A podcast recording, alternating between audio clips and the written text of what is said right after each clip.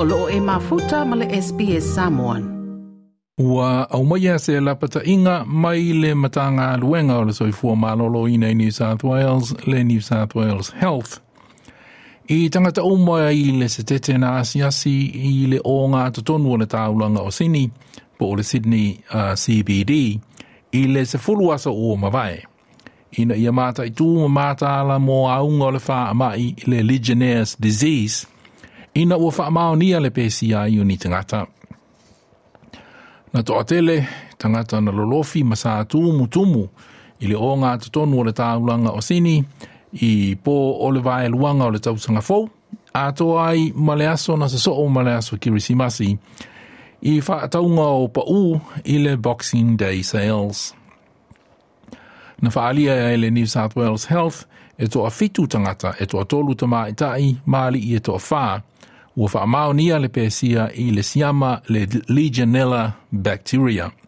Ma o tonga whitia nei i lātou i le o na o le pneumonia na saso o mai ai. Nā saunoa le sui le Public Health i South Eastern Sydney, Professor Mark Ferson, O tangata umana asiasi i le CBD po le o ngā tutonu o le tāulanga o sini i le aso se fulu o, i le se fulu asa ua mawai. E te tau ona māta i tuina ni a unga e pei o le fiva, le pueia, uh, le pueia po o le tale. The early symptoms uh, tend to be fever and chills, uh, aches and pains, uh, cough, and if it progresses, uh, shortness of breath uh, is a sign that has turned into pneumonia. Um, people can uh, really go downhill from there. So um, it's important that people developing those symptoms uh, go and see their doctor. Le sui whaatonu o le Public Health i South Eastern Sydney, Professor Mark Ferson. O lo whai asu asu enga ale New South Wales Health i Masini e wha amalulu waile ea po cooling um, systems – i le tutonu o sini le Sydney CBD. Whaalia Richard Bentham o le New South Wales Health. A le le ma wha mama ma sini nei. E whana whana wai le siama le Legionella bacteria. A fia te le tangata e iei i le manawa. A lot of them are associated with air conditioning or with uh, cooling of uh, things like phone exchanges and things like that in large buildings. They use recirculating water to cool down refrigerant that then cools down uh, equipment within the building. As that water recirculates, it pulls in with it dirt and dust from the environment, but it also gets warmer. So the whole thing becomes sort of a large Legionella incubator.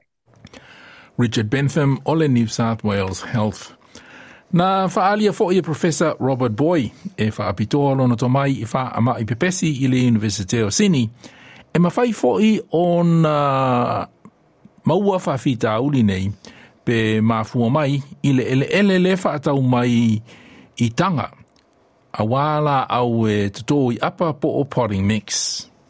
It spreads most easily through the air from uh, water, but potting mix is possible too. That was first described in New Zealand. Uh, and that uh, too can cause a pneumonia or an influenza-like illness. Uh, uh it's uh, it's uh, a series of bacteria called Legionella, um, and they're all related to each other, and they can all cause trouble. And most commonly, it comes through air conditioning, but it can come through potting mix as well.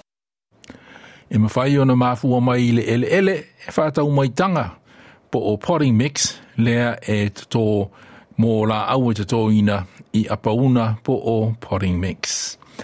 Nā Professor Ferson, o ngā lulua ma le pūlenga mālo o le Sydney City Council, ma le New South Wales Health, i le ina o masini nei e wha malulu le po cooling towers i le Sydney CBD. We're still looking at a large area of the central business district at this stage.